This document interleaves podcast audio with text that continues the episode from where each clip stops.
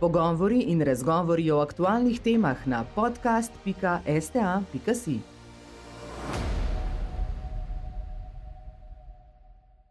Dobrodošli pri novem podkastu Slovenske tiskovne agencije EU Konkretno, v okviru katerega vam bomo predstavljali različne vidike, programe in projekte Evropske unije ter učinke, ki jih ima na evropske državljane tudi v Sloveniji. V prvi zgodbi se bomo posvetili schemi Shore, ki je bila v zadnjem letu večkrat v ospredju, ko se je govorilo o omilitvi vplivov pandemije COVID-19 na trg dela. Na vprašanja, kaj to sploh je, zakaj je nastala in kakšno korist ima od nje Slovenija, nam bodo odgovorili sogovorniki iz predstavništva Evropske komisije v Sloveniji, Ministrstva za delo, družino, socialne zadeve in enake možnosti, Združenja delodajalcev Slovenije in Zveze svobodnih sindikatov Slovenije. Pandemija COVID-19 je lani zaustavila pozitiven trend v doseganju ciljev, ki se je kazal v zadnjih šest let. Evropska komisija želi namreč v okviru akcijskega načrta doseči, da bi bila stopnja zaposlenosti v Evropski uniji do leta 2030 vsaj 78 odstotna. Vsaj 60 odstotkov odraslih naj bi se vsako leto udeležilo usposabljanj. Število ljudi izpostavljenih tveganju revščine ali socialne izključenosti pa naj se do leta 2030 zmanjša za vsaj 15 milijonov.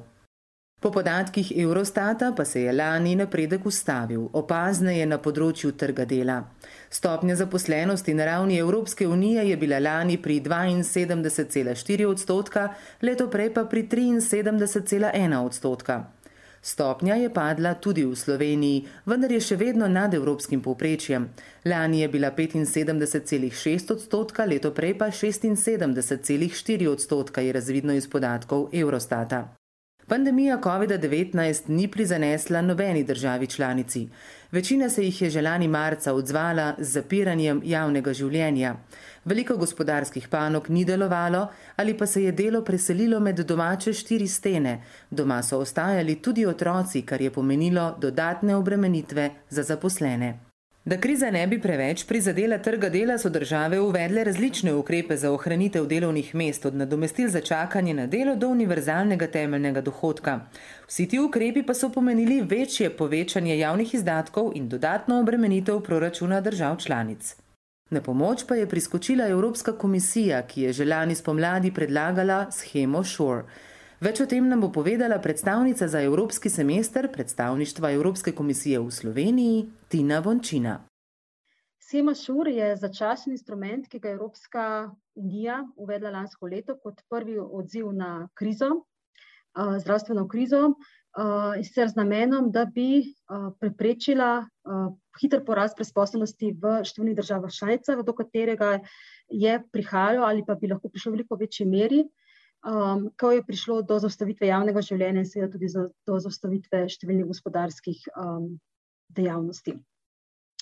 Šur je instrument, ki je torej namenjen uh, preprečevanju tveganj za prevelik in prehiter porast brezposobnosti uh, v državah članicah v kriznih razmerah, je nov inovativen instrument in sicer je uh, postavljen tako, da gre za ugodna posojila, ki jih lahko, za katere lahko zaprosijo države članice z namenom, da si pomagajo pri financiranju nacionalnih schem in ukrepov za preprečevanje brezposobnosti.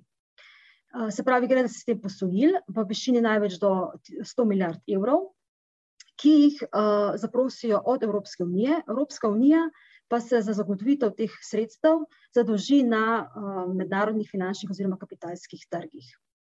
Eh, gre za ukrep, ki eh, je bil uveden izredno hitro po samem izbruhu eh, krize zaradi COVID-a in sicer ga Evropska komisija predlagala že tako v začetku aprila, potem so ga morale potrditi še države članice, ampak dejansko je zelo hitro stekel, tako da so v bistvu evropske države, tiste, ki so zaprosile in ki še zaprošajo za to pomoč, lahko hitro si pomagale pri financiranju teh nacionalnih schem. Tipični ukrepi, s katerimi se eh, financirajo iz uh, scheme ŠUR, so naprimer scheme za skrajšani delovni čas, scheme uh, za čakanje na delo uh, od doma, uh, potem uh, tudi um, scheme, ki financirajo plačilo socialnih prispevkov, uh, scheme, ki omogočajo plačilo temeljnih dohodkov. Kar je pomembno, je, da uh, ŠUR lahko uh, financira scheme tako za zaposlene, kot tudi za samozaposlene. Um, pomemben element tega inštrumenta je tudi dejstvo, torej, da gre za um, posojila in pa dejstvo, da so države članice morale zagotoviti tudi uh, določene garancije, jamstva za delovanje same scheme, sicer v višini do 25 odstotkov, se pravi, konkretno to pomeni 25 milijard evrov, uh, kritja morajo zagotoviti države članice. Uh, zakaj? Zato, da se v bistvu lahko uh, oblikuje, doseže nek uh, smiselen finančni obseg uh, in da se v bistvu lahko tudi državam res konkretno pomaga. Ne bi, ne bi bilo smisla, da bi pač ta, ta schema premajhna, da bi lahko um, predvsem tistim državam, ki so bile najprej, najbolj na udaru, pomagala.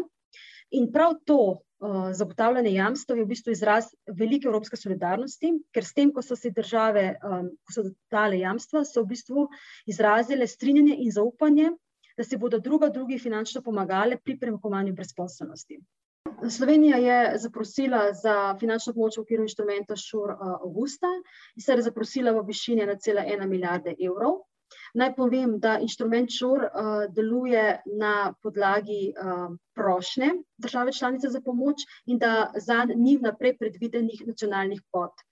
Se pravi, na voljo je 100 milijard evrov za vse države članice, ki pač imajo to možnost, da to izkoristijo. Edini pogoj, ki je dan v sami uredbi, je samo, da, ne, da tri največje države članice ne morejo počrpati večino sredstev, kar bi se lahko zgodilo zaradi pač samega obsega in velikosti držav in samih potreb. Tako da zelo pomembno je, da tukaj v bistvu nacionalnih pot ni. Slovenija je torej zaprosila za 1,1 milijarde evrov in ta znesek še dobila v dveh obrokih. Uh, 1. novembra lansko leto, drugega pa potem februarja letos, kar kot rečeno, Evropska unija po izraženem interesu gre potem zbira denar na finančne trge. Ta naša prva ocena je pa pokazala, da je schema izredno pomagala državam članicam, predvsem v smislu, da so se zaradi vedenja, da obstaja nek inštrument na evropski ravni, odločile za scheme uh, večjega obsega, tako, smislu, uh, tako, uh, tako v smislu višine, kot tudi uh, področji različnih skupin na trgu dela, ki jih lahko scheme pokrijejo. Se pravi, da je to bilo izredno pomembno za države članice. Uh, pokazala je potem tudi ta uh, pregled prvih rezultatov, uh, da se je ohranilo veliko število delovnih mest. Čeprav smo v bistvu pri tej zadnji krizi, vse države so obeležile veliko večje pace BDP-ja, kot naprimer v finančni krizi, se je stopna brezposobnosti bila manjša. Se pravi, da je ukrep deloval, da smo na tak način uh, ohranili eh, kar nekaj delovnih mest. Um, inštrument ČOR je začasni inštrument, uh, skladno um, z uh, uredbo velja samo do konca leta 2022. Evropska komisija ima dožnost, da vsakih šest mesecev preverja, ali še obstajajo pogoji oziroma potrebe, um, da nek tak uh, inštrument obstaja, da je potrebno neko uh, interveniranje na trgu dela. Um, in sicer um, potrebe zaenkrat še vedno se kažejo, menimo namreč, da um, je določena stopna podpore potrebna, ker um, še ocenjujemo, da lahko pride za zakasnitvijo do povečanja brezposobnosti. Tako da zaenkrat te scheme uh, ostajajo v veljavi, uh, se pa sočasno zavedamo, da to ne more obstajati v veljavi um, dalj časa. Zato v bistvu že vse čas zdaj sporedno z države že tudi že upozarjamo, da je potreba počasi priti iz pač, uh, ukrepov, ki uh, ohranjajo delovna mesta, k ukrepom, ki bodo spodbujali ustvarjanje novih delovnih mest in predvsem tudi uh, olajšale prehode na trgu dela med različnimi um, tako delovnimi mesti, kot predvsem uh, tudi um, potrebami po dodatnem izobraževanju, usposabljanju za različne delovne mesta in, delovna mesta in predvsem tudi za čim večjo podporo.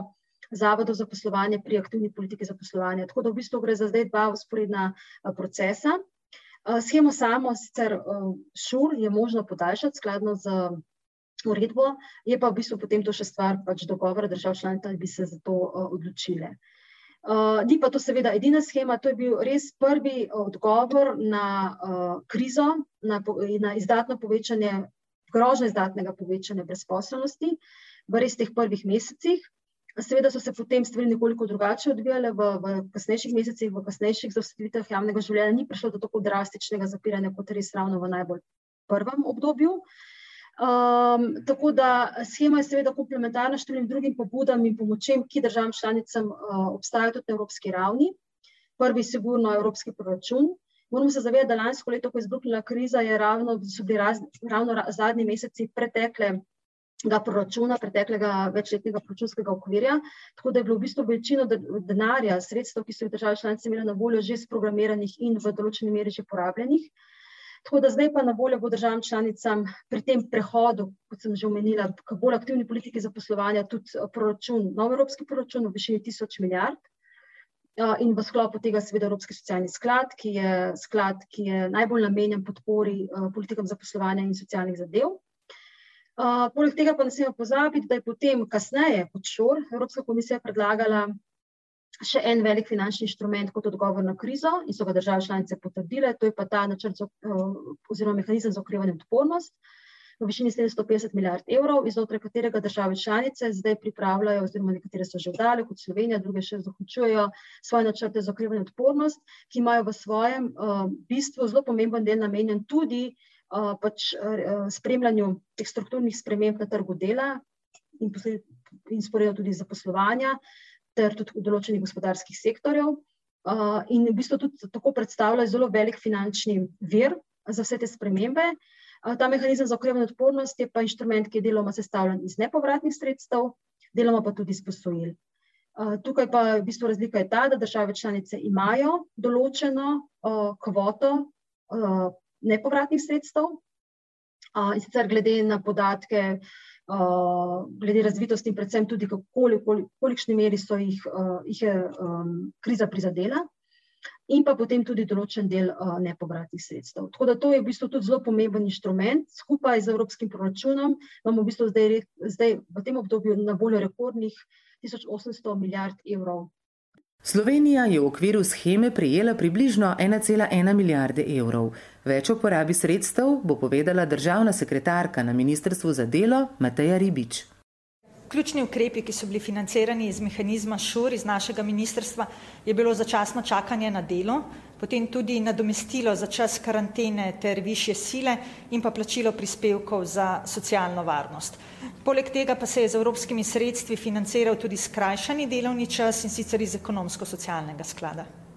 Uporaba teh sredstev in nasploh možnost, da smo ta sredstva uporabljali, je bila zelo dobrodošla. To nam je pomagalo, da smo ukrepe lahko sprejeli zelo hitro in da je tudi pomoč prišla zelo hitro do delodajalcev, do gospodarstva in pa tudi za ohranjanje delovnih mest. Sredstva iz mehanizma ŠUR in tudi iz ekonomskega socialnega sklada smo namenjali predvsem za ohranjanje delovnih mest in pa tudi za ustvarjanje nekih novih delovnih mest. Menimo tudi, da so bili ti ukrepi zelo učinkoviti, saj če pogledamo številke na trgu dela za brezposelnost, vidimo, da so današnje številke enake, kot so bile številke pred epidemijo. Tako da iz tega vidika ocenjujemo, da so bili ukrepi in pa ta sredstva, ki so prišla iz Evrope, zelo učinkoviti in dobrodošla.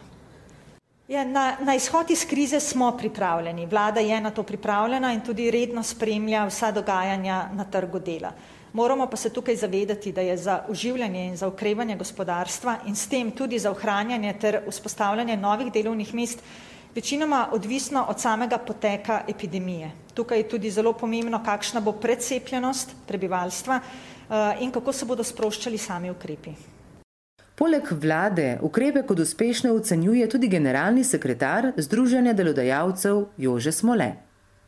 Če bi seveda gledali posamezne panoge ali posamezna podjetja, potem seveda nikoli ni zadosti, ne, ampak dejstvo je to, kot sem že uvodoma povedal, če si pogledamo, kakšni so trenutni rezultati na trgu dela, potem tudi glede tega, koliko podjetij je preživelo, potem seveda je ta pomoč tako dobrodošla kot tudi uspešna. Je pa seveda dejstvo, da ob izhodu iz krize bo izjemno pomembno, v kakšna bo konkurenčna sposobnost našega gospodarstva in posameznih podjetij. Kot izrazito izvozno usmerjeno gospodarstvo je ta konkurenčnost ključna in seveda tukaj nadaljevanje teh pomoči upam, da bo tako uspešno, kot je bilo doslej,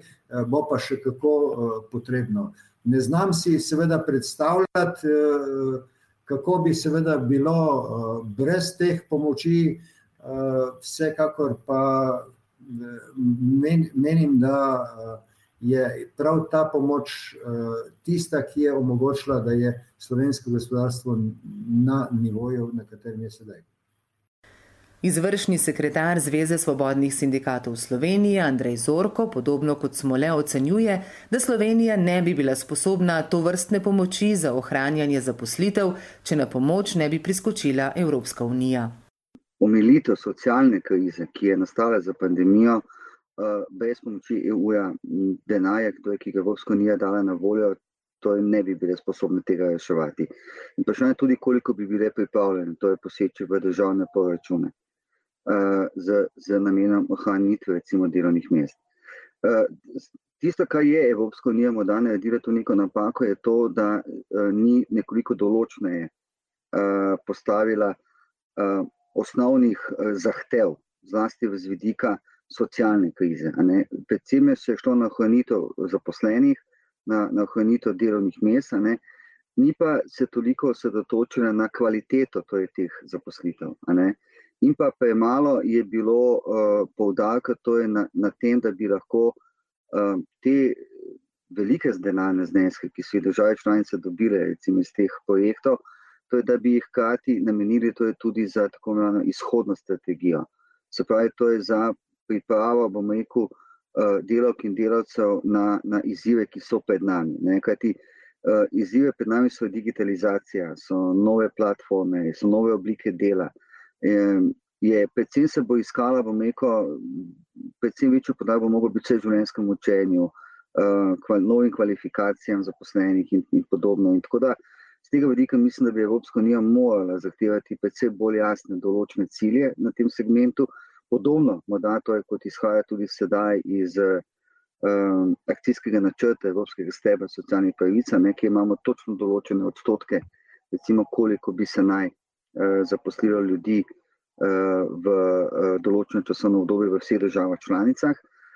Tega ni bilo storjeno in tudi ni zahtevala, ne, to je nobenih dokazil o tem, to je, da bi socialni partnerji bili aktivno vključeni v iskanje rešitev, v oblikovanje torej teh ukrepov, ki so pod nekako, katerih namen je bila predvsem umilitev posledic pandemije. Tukaj mislim, da bi mogli biti to njihove zahteve predvsem bolj ostre, predvsem bolj določne.